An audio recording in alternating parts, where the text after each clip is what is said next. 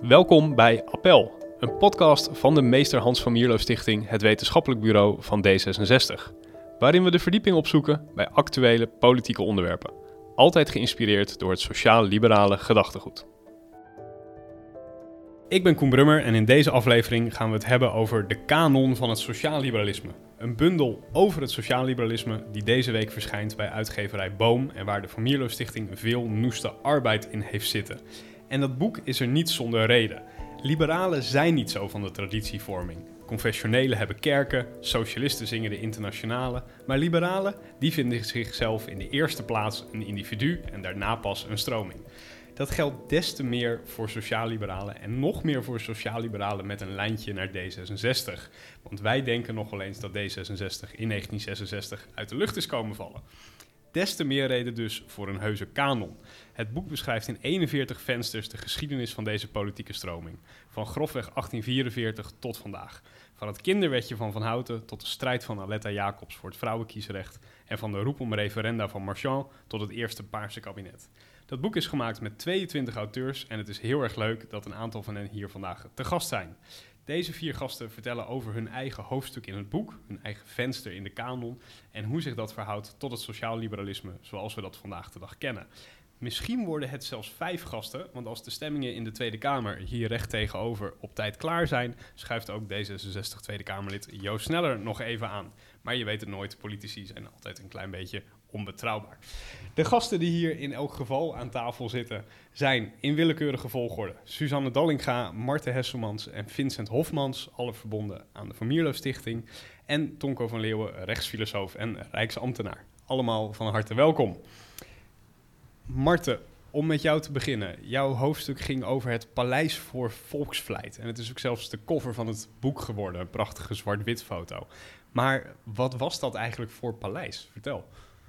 Ja, dat paleis voor de volksvlijt, dat, dat moet je voorstellen, dat was een, een gigantisch, uh, destijds heel indrukwekkend gebouw uh, ja, van glas en ijzer. En uh, dat torende echt boven Amsterdam uit. En dat was gebouwd, ja, dat was geïnspireerd door Samuel Sarpati. En Samuel Sarpati die was arts en die heeft zich later ook ontpopt tot stedenontwikkelaar. En die zei eigenlijk met dit paleis wil ik een toegankelijke plek creëren voor het brede publiek, voor alle Amsterdammers. Niet een paleis voor prinsen, maar een paleis voor burgers. Waar iedereen uh, terecht kan uh, voor tentoonstellingen, voor kunst, voor cultuur, voor techniek. Um, ja, dat, dat was eigenlijk het basisidee. En wat, wat, wat dreef Sarfati daarbij? Wat was het dat hem totdat het is best, het is bijna een megalomaan project eigenlijk. Hè, in die, uh, ja. want, wanneer begon dit, dit verhaal? Welk jaartal zit hier aan vast? Het Paleis van Volksvlijt is geopend in 1864. En uh, daar gaat inderdaad een verhaal aan vooraf dat die Samuel Sarpati, die, die zag eigenlijk Amsterdam ja, als, als een slapende stad.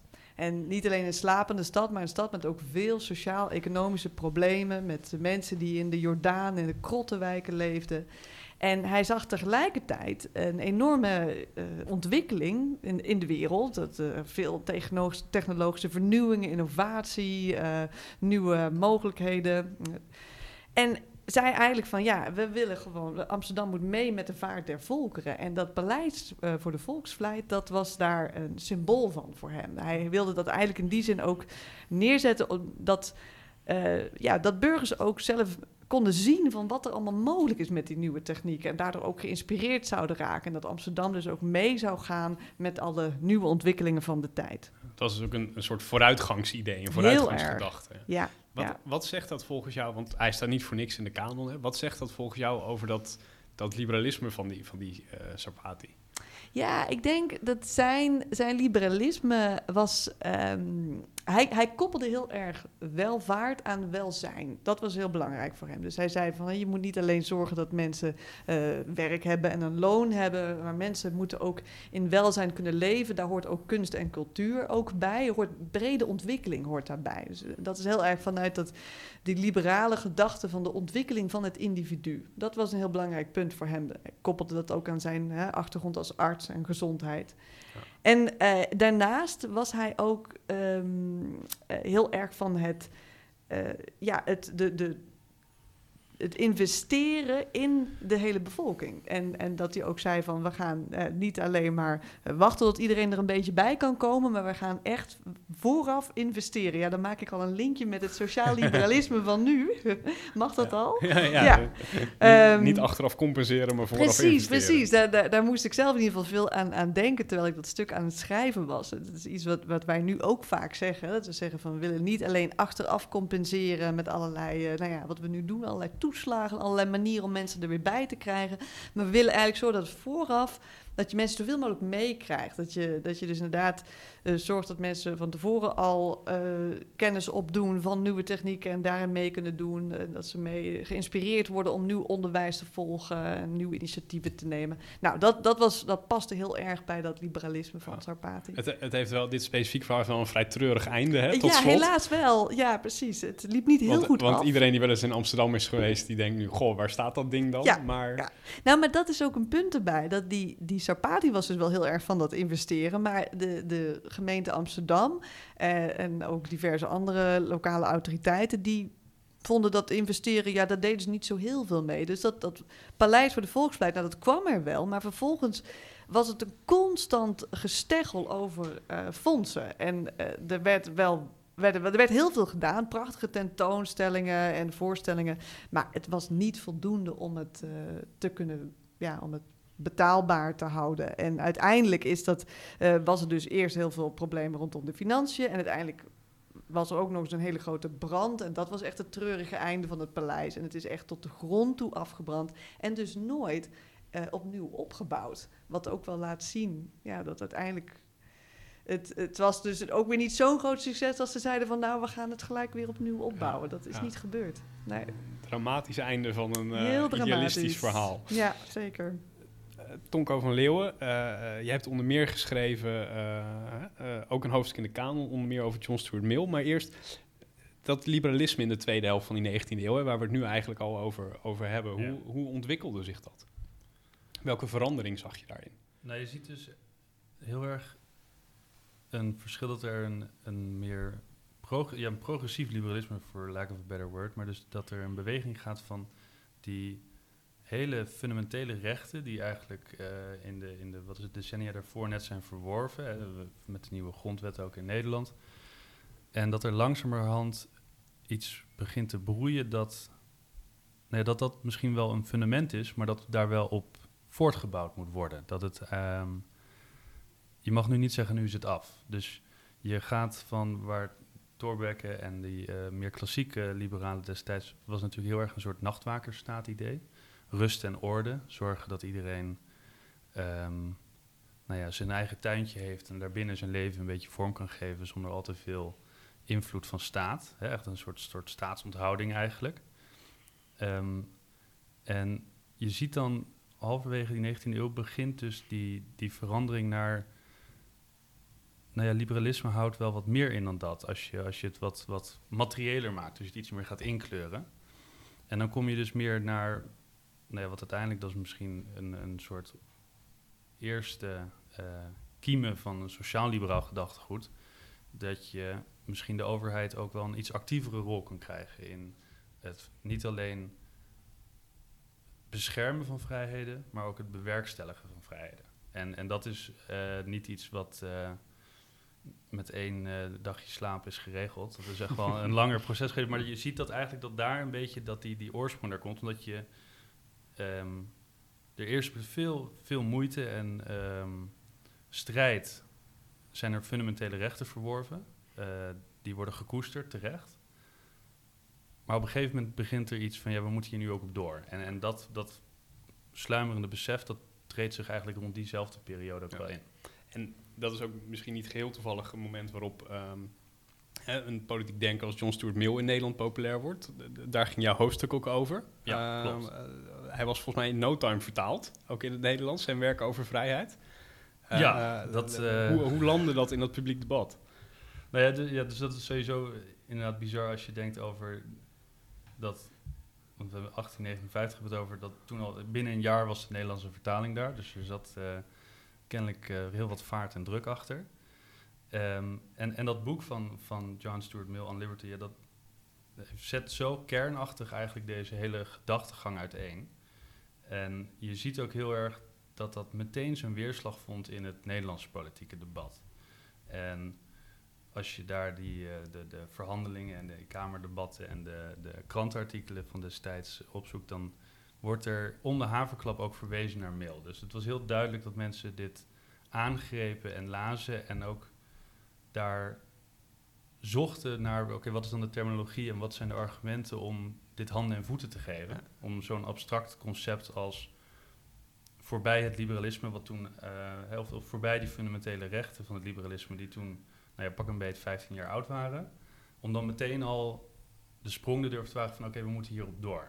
Ehm, en daar is dat on liberty in die zin natuurlijk heel erg fundamenteel in geweest. En dat het, dat het ook, eigenlijk uh, zou je mail ook wel, als je het hebt over liberale Misschien zou je liever bijna willen dat Mail dit niet had geschreven. Omdat de, de opdracht en de uitdaging waar liberalen sinds eigenlijk dit inzicht en, en deze publicatie van Mail voor staan, is zo onmeetbaar veel groter geworden dan het daarvoorheen was. Uh, want je bedoelt, kiesrecht heb je nog wel een keer geregeld, een ministeriële verantwoordelijkheid. Maar, maar als je voorbij de staat gaat en ook de samenleving betrekt in hoe bewerkstellig je vrijheid, ja, dan ben je ergens aan begonnen waar we nu nog steeds mee bezig zijn. dus in die zin, natuurlijk, uh, vooruitgang is altijd goed, maar het heeft wel het is een soort doosje geopend waarvan je dacht, jongens, oké, nu, nu moeten we echt aan het werk. Grappig. En ik meen ook trouwens, niet iedereen was even blij, toch, met de komst van, uh, van Mail in het publieke debat. Nou ja, dat is inderdaad... Dus dat is een van de grappigste anekdotes ja, het stuk. Niet Misschien... zozeer... Kijk, ik denk inhoudelijk uh, zeker wel, maar Eduard Douws-Dekker, die had, uh, kon zich redelijk uh, chagrijnig maken en opwinden over de hoeveelheid en, en hoe vaak mail eigenlijk werd aangehaald in het publiek debat. Dus hij heeft toen ook in zijn ideeën opgetekend um, van dat, dat op een gegeven moment de, de, de politici alleen maar heen en weer kaatsen met citaten van, uh, van mail. En, ja, of, en dan het letterlijke, of het volk zich hierdoor laat bedriegen, is mij onbekend. Misschien wel, maar ik niet, waarvan akte. en dan komt hij daar later ook nog een keer op terug als er dan een, een thema is um, waar Mill iets niet over gezegd heeft. Dat hij zich ook dan wel publiek afvraagt van ja, maar Mill schreef hier niks over, dus ik verwacht eigenlijk ook niet dat de Nederlandse politici hier een mening over hebben. Dus dat is, nou ja, was, uh, ja, alomwezig was Mills gedachtegoed in die periode, dat is wel duidelijk. Nice. Een vrij fundamenteel uh, concept bij, bij Mill natuurlijk was, en, wat opkwam in, in dat liberalisme, was natuurlijk ook hè, het zelfbeschikkingsrecht van het individu. Uh, naast jou zit, zit Vincent Hofmans, die is, het klinkt misschien wat, wat, wat, wat typisch, maar die is in de anticonceptie gedoken voor dit boek. het debat over anti, anticonceptie in de, in de tweede helft van de 19e eeuw. Um, dat zelfbeschikkingsrecht, dat was daar vrij cruciaal voor, toch? Die notie. Ja, absoluut. Ik denk dat ehm, nu wordt anticonceptie natuurlijk iets gezien waarbij mensen bij uitstek aan zichzelf denken. Maar ik denk dat het debat over anticonceptie eerder voortkwam uit hele grote gedachten over het volk en over bevolkingsproblematiek in het algemeen. Want uh, mijn hoofdstuk in de kanon ging specifiek over de oprichting van een nieuw Malthusiaanse bond in 1881 waarbij een aantal zeer bekende of nog bekend moeten wordende liberalen een grote rol hebben gespeeld. Maar in 1789, dus ongeveer 100 jaar eerder, had een Britse econoom, Thomas Malthus, zijn werk geschreven, uh, dat heette The Principle of Population. En hij was nou niet per se een hele goede voorloper van iemand met de beste ideeën voor het volk en hoe ze zichzelf economisch konden verheffen. Maar hij zei eigenlijk: pas op, als we niks doen aan het bevolkings of het overbevolkingsvraagstuk, dan hebben we binnenkort eigenlijk van de verkeerde mensen er veel te veel. Nou, en het is een mooie link die we kunnen maken met de verwijzing naar John Stuart Mill, want eigenlijk zijn de Nederlandse liberalen en radicalen aan de, eigenlijk aan de slag gaan met de andere ideeën van Britse filosofen over het bevolkingsvraagstuk. Want, en daar is een mooie link te maken met het stuk van Marten over sociaal-economische problemen. Um, het gaat erom hoe je hele abstracte thema's, die Tonko benoemde, hoe kun je nou vrijheid creëren? Um, nou ja, hoe dat idee van vrijheid creëren, hè? Hoe, hoe, hoe pas je dat nou toe op, zo'n, op een populatie met stedelijke armoede, uh, dat soort zaken? Ja, eigenlijk wel ja. En toen de Malthusiaanse Bond werd opgericht, onder andere door Karel Gerritsen, was het niet zo dat zij specifiek de staat een opdracht geven. Een opdracht gaven van, goh, zo en zo moet je met het volk omgaan. Die Nieuw Malthusiaanse Bond was eigenlijk een informatieverstrekker. Het ging erom dat zij het volk de keuze wilden geven om zelf te bepalen hoeveel kinderen willen krijgen. En misschien, en dat is eigenlijk een soort kernvraag die mij bij, bij mij opkwam, is dat elke partij totaal eigen redenen had om overbevolking tegen te willen gaan. Want bijvoorbeeld de meer liberaal politieke filosofen, die kunnen wel heel erg mooi bedacht hebben. Och ja, en het gaat om de individuele keuzevrijheid om hele liberale principes van zelfbeschikkingsrecht.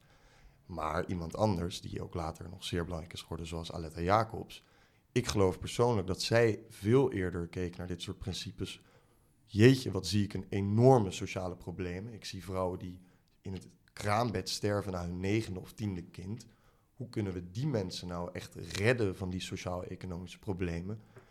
En later is dat misschien wel geëindigd in hoe kun je die specifieke vrouwen in dat geval nog veel grotere rechten geven, zoals stemrecht of zelfbeschikkingsrecht over echt een heel eigen levenskeuze. Ja, dus dan werden het opeens hele concrete uh, problemen die niet alleen politieke kwesties uh, ja, waren, precies. maar ook in de hele samenleving leven. Zeker. Mooi. Hey, laten we een, een sprong in de tijd maken. Hè. We hebben het nu eigenlijk gehad over dat sociaal liberalisme, hè, de geboorte ervan misschien, zoals zich dat ontwikkelde in de laatste decennia van de, van de 19e eeuw. Um, maar wat ook een heel interessant deel van de kanon is, is eigenlijk hoe zich het ontwikkelde na de Tweede Wereldoorlog. Um, voor de Tweede Wereldoorlog had je allerlei liberale partijen en partijtjes, hè, waarbij misschien de Vrijzinnig Democratische Bond nog wel een van de meer serieuzere, grotere, sociaal-liberale-achtige partijen was. Uh, na de Tweede Wereldoorlog had je opeens alleen de VVD, die zich liberaal noemde. Um, hè, de, de Vrijzinnig Democratische Bond was opgegaan in de PvdA zelfs. De VVD was weer door Oud opgericht, die uit de PvdA stapte. Um, Tonko, een van jouw hoofdstukken, uh, je was hofleverancier van meerdere hoofdstukken in de, in de kanon, gaat er ook over. Hoe, hoe slaagde die VVD er eigenlijk wel in om al die verschillende soorten liberalen uh, een dak boven hun hoofd te geven? Het kort antwoord is natuurlijk niet. dus het was inderdaad een, een, vergaarbak eigenlijk van toch wel verschillende ideologieën die daar ja, een beetje genoodzaakt terechtkwamen. En, en dat, is, daar was, dat is altijd dat vrevel en schuurt en, en dat soort voor interne discussies. En ja, het is eigenlijk uiteindelijk, op, als je dat nu zo helemaal terugleest, dan is het eigenlijk wachten tot een keer dat bommetje barst. Um, en dus dat is, als je dan inderdaad vooruit kijkt, waar uiteindelijk dat, dat uh, venster ook over gaat, is dan dat Joris Voorhoeven daar uiteindelijk dus een, een ja, noem het een koerswijziging, of in ieder geval een wending aan dat uh, gedachtegoed probeert te geven. Politiek leider van de VVD. Uh, in 1987, dat is het moment waarop we nu, ja, waar, waar, waar we nu zitten. Waar ging dat, wat was zijn voorstel voor een koerswijziging? Nou, dus hij, het kwam uit een, een, een, een, even het aanloopje daar naartoe. Het was een, moeilijke periode. De VVD zat een zwaar weer, dit electoraal ook slecht. En toen kreeg je na eigenlijk het, het machtsvacuum, nadat Ed Nijpels er vandoor ging, kreeg je eigenlijk een soort raar tweekoppig leiderschap uh, binnen de VVD. Met Voorhoeven als fractievoorzitter en de Korte dan als vicepremier. Uh, en, maar Voorhoeven die heeft dat heel erg op een natuurlijke manier kwam uiteindelijk dat echte leiderschap van de VVD wel bij hem terecht. En dat kan je heerlijk nadenken. Twee leiders bij de VVD is altijd... Dat wordt nooit iets. altijd voor ellende. Ik denk iets. meteen aan Rutte Verdonk. Dat gaat nooit goed. Precies, nee, precies. precies. Dus dat op, en, maar zonder enorme Rutte Verdonk uitspattingen is dat, dat leiderschap in ieder geval moreel en ideologisch wel bij Voorhoeven terechtgekomen. En die heeft zich toen eigenlijk ingezet, en dat is misschien uh, dus meer dan een eeuw later, maar een beetje dezelfde notie als waar we het over hadden met het venster over mail en, uh, en de, de ontwikkeling in het liberale gedachtegoed halverwege de 19e eeuw. Voorhoeven die zetten daar heel erg neer, ja, waar staan we nou eigenlijk voor? En wat, zijn, wat is de progressie en de ontwikkeling die wij zoeken? En wat zijn onze visies over de maatschappij en de samenleving? En, en welke vooruitgang willen wij dan nog bepleiten? Uh, en hij zocht daar heel erg in dat het dus inderdaad meer richting dat sociaal-liberale of progressief-liberale kant moet gaan. Met dus ook een veel actievere overheidsrol en een veel meer een, een, een notie van positieve vrijheid in plaats van alleen maar negatieve vrijheid. Dus mensen de vrijheid geven om zich te ontwikkelen. Om Precies. bepa- ja. Dus niet alleen maar zeggen van nou je, je mag eh, zeggen wat je wil en je mag denken wat je wil, ehm, maar dat er ook een rol is voor de overheid om te zeggen wij, wij zorgen ervoor dat er ook onderwijsmogelijkheden zijn of dat er huisvesting mogelijk is. Dus het is niet alleen maar wij zorgen dat je, eh nee, laat heel plat gezegd, wij, wij Wij houden de geweldsmo- laag. Wij, ja, we, houden de belasting laag en we bewaken het geweldsmonopolie en voor de rest zoek je het allemaal maar lekker uit. Hoe, Ehm, hoe werd er op gereageerd in die VVD? Want Ja, dat is natuurlijk altijd feest als er iemand een idee heeft binnen de VVD. Ehm, ja, dat werd niet, niet zozeer in dank aangenomen. Er werd meteen ook gespeculeerd over samenwerking met de Partij van de Arbeid. En eh, de Volkskrant die noemde hem zelfs Rode Joris. Nadat hij in een, in een speech eigenlijk deze soort notie had gepresenteerd. Ehm, en dat, dat ging meteen helemaal knetteren dat hij dus eigenlijk ook twee weken daarna is hij er zelf op teruggekomen heeft hij eigenlijk gezegd, nou, dit is dus helemaal geen radicale koerswending. Dit is gewoon, eh, volgens mij is dit de manier waarop je met je gedachtegoed moet omgaan. Dat moet je ter discussie kunnen stellen. Maar uiteindelijk ook daarna nog wel een, een soort intern iets ehm, neergelegd, waarbij hij zei van, er mag op geen enkele manier extern gecommuniceerd worden over mogelijke samenwerking met wie dan ook, behalve met het CDA. Dus er was duidelijk wel genoeg druk op de ketel om dit ook weer eventjes... eh, hij was wat, flink eh, geschrokken. ja, ik denk dat hij niet helemaal had voorzien hoe heftig hierop gereageerd zou zijn. Ehm, Maar je, je kan misschien ook wel zeggen, want ik bedoel, dit was dan zo'n oprisping. En eh, vervolgens hè, is, het, is het duidelijk welke koers de VVD gekozen heeft. Bolkestein die heeft op een gegeven moment natuurlijk lange tijd het politiek leiderschap Ja. bekleed. Conservatieve koers. Eh, je zou kunnen zeggen dat met Rutte in 2004 ongeveer, dat ze weer een beetje zo gingen, eh, gingen, gingen hoe zou je het zeggen, gingen proeven aan het sociaal-liberale element. Ja. Hij kwam met groen rechts en dergelijke. Ze wilden niet alleen meer voor de parelkettingen uit Wassenaar zijn. Maar Ja, eigenlijk stierf ook dat een best wel snelle dood. Dus ja, maar ik denk dat het wel tekenend is dat het dan toch wel weer ergens terugkomt. Ja. Dus het is, het is wel in die zin dat je proeft in hoeverre is echt een, een klassiek liberale eh, ehm, stoel, zeg maar, in hoeverre is dat echt heel lang houdbaar? Omdat het heel makkelijk een soort statisch geheel wordt. En dan als het statisch is binnen een politieke partij, op een gegeven moment komt er dan wel weer ergens iemand bovendrijven die daaraan wil morrelen. Dus Mooi. Ik, ik denk dat dat, ja, inderdaad, eh, 2004 zou je dat ook, het weer terugkomen. Ik geen idee, geen idee wat de komende periode, maar ook nu heb je toch weer zo af en toe een beetje een discussie of dat, hè, dat kapitalisme is toch niet meer helemaal heilig. Dus op die manier is het een Ja, soort ondertoon die af en toe daar, even lucht krijgt. Ja. Precies. Over eh, geborrel in eh, politieke partijen gesproken, of gemorrel aan politieke partijen. Eh, D66, ja, ongetwijfeld ook. Eh, eh, Suzanne Dallinga, eh, bij eh, D66 was het in hè, de, de decennia na de oprichting eh, natuurlijk ook af en toe een zoektocht hè, tussen... eh, zijn, wij, zijn wij een radicale democratische partij of hangen wij echt dat, sociale voor het strevende liberalisme aan? Ehm, eh, wat ik zelf interessant vind, maar daar ben jij ingedoken, is de, eh, de hele kwestie: eh, wat voor partij zijn we nou? En dat werd vooral interessant ook natuurlijk toen de vraag kwam: bij welke grotere groep sluit je je aan in het Europees Parlement? Waar je natuurlijk de confessionele, de socialisten en de, en de liberalen had. Hoe, hoe, hoe liep dat? Ja, nee, eh, wat je zegt, dat was inderdaad een beetje een, een zoektocht voor D66. Eh, we hadden natuurlijk in 1979 de eerste keer eh, verkiezingen voor het Europees Parlement. Ehm, nou, wat je zag is dat er eigenlijk in de, in de aanloop daar naartoe bij D66 duidelijke discussie ontstond van ja, wa- wat, wat moeten wij dan doen in het Europees Parlement om een beetje gewicht te krijgen? Want je kunt daar wel als onafhankelijke gaan, gaan zitten, maar dan is de vraag of je daarmee ook de meeste invloed kunt uitoefenen. Dus de meeste partijen maakten dan een keuze om bij eh, een van de, de drie stromingen of de drie fracties die er toen bestonden in het Europees Parlement, om zich daarbij aan te sluiten. Maar voor D66 was dat op dat moment wat lastig, want ja, de, de liberalen waren iets te rechts en de socialisten waren te links. Dus nou, in de confessionele was überhaupt geen optie, dus wat doen we dan? Ehm, de keuze was dan enerzijds om een vierde stroming zelf te gaan oprichten. Eh, of om eh, zelfstandig eigenlijk toch maar te blijven in dat Europees parlement en dan eh, nou, de komende tijd maar te zien hoe het loopt. Ehm, Dat is iets wat Van Mierlo wel eens een duivels dilemma genoemd ja, zou dat was een ontzettend toch? duivels dilemma. En dat dilemma is eigenlijk een beetje... Dat, dat liep door tot, nou ja, laten we zeggen 1994 ongeveer. En ehm, zelfs daarna denk ik dat er nog wel eens mensen, zijn, hun- mensen hun twijfels hebben geplaatst binnen D66... of de, de, de ALDE-fractie, waar we nu ook toe behoren... inmiddels is het de Renew-fractie...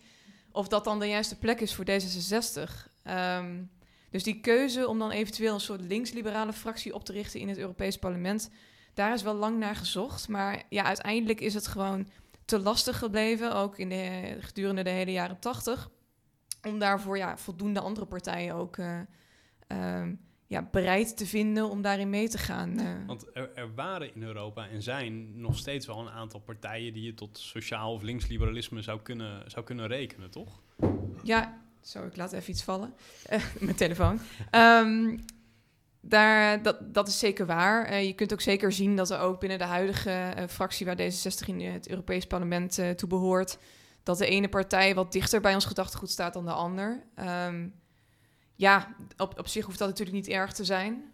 Ehm, je merkt wel dat D66 eh, iets meer de, de, de partijen als de Centerpartiet uit Zweden opzoekt. Of, of bijvoorbeeld de NEOS uit Oostenrijk, eh Ciudadanos uit Spanje. Ehm, en dat eh, andere partijen, zoals de VVD, die natuurlijk ook bij ons in de fractie zit, ehm, dat die eh, ja, iets meer op de, de partijen als een, een FDP uit Duitsland eh, gericht zijn. Ehm, dus daar, daar zit nu ook nog een hele sterke marge in. Ja. Ja. Toen die keuze gemaakt werd, hè, voor, of althans toen, toen, toen dat, dat het dilemma werd besproken binnen D66, hè, van er is geen sociaal-liberale partij, waar moeten we dan in hemelsnaam naartoe? Waren er toen ook bepaalde kampen in de partij of bepaalde stromingen die voor het een of het ander pleiten? Was het echt een politieke kwestie in die zin? Ja, het was wel. De, ja, je, zou kunnen spreken van stromingen. Maar wat ik vooral. Ik ben natuurlijk een beetje de archieven ingedoken. om te zien van. Nou, hoe, hoe verliep dat dan binnen de partij? Eh, die keuze die, die moest worden gemaakt. Ehm, dat ging met name ook eh, via het congres. Omdat het toch elke keer gewoon alweer een paar jaar voordat er nieuwe Europese verkiezingen waren. Eh, dan vers- verschillende moties in stemming werden gebracht op het congres. Van moeten we niet toch weer naar een linksliberale fractie eh, op zoek gaan? Moeten we niet meer bondgenoten vinden? Ehm, dus om nou te zeggen, ik- ik vind het lastig om te zeggen welke stromingen daar dan in bestonden. Ehm, de stroming om, om toch een alternatief te zoeken, die, die liep wel een beetje voorop. En je zou kunnen zeggen dat er eh, hier en daar ook nog wel wat verschil stond in, in de lijsttrekkers of de potentiële lijsttrekkers die dan eh, zich kandideerden voor het lijsttrekkerschap. Ehm, zoals bijvoorbeeld de allereerste lijsttrekker die we in 1979 hadden, Aarde Goede. Ja, die was eh, eigenlijk niet zo fan van het zoeken naar een vierde stroming. Dus die had zoiets van, nou laten we maar gewoon lekker zelfstandig in het parlement gaan zitten. Ehm, want ja, en, en, en dan zien we het wel. Dus uiteindelijk... Altijd, altijd een recept voor politiek succes. Ja, Ja. dus de partij zei vooral eh, zoek naar een vierde stroming. Ehm, en uiteindelijk bleek dat gewoon te lastig. Ehm, maar daar bestonden zeker verschillende, verschillende smaken over. Yes, daar kan ik me iets bij voorstellen. De deur die eh, eh, mensen zojuist misschien hebben gehoord... was eh Jo Sneller, Tweede Kamerlid voor D66, die, eh, die binnenkwam. kwam. Fijn dat je het hebt weten te redden zonder eh, stemmingen te missen, Joost. Democratische plicht vervuld. Zeker. Ik moet je alleen even vragen heel recht in de microfoon te praten. Democratische plicht vervuld. Heel goed. Eh, je komt eigenlijk precies op het, eh, op het juiste moment. Want we zijn eigenlijk door de kanon van het sociaal liberalisme eh, heen gelopen... Waar jij, waar jij ook aan mee hebt, hebt gewerkt. En hebben een paar vensters eruit gelicht. Ehm, jouw stuk ging over, de, ging over 2006, de hervormingsagenda. Hè? Eigenlijk het, de, de start van, eh, eh, van de wederopstanding van D66, zou je kunnen zeggen. We peilden op nul zetels in 2006.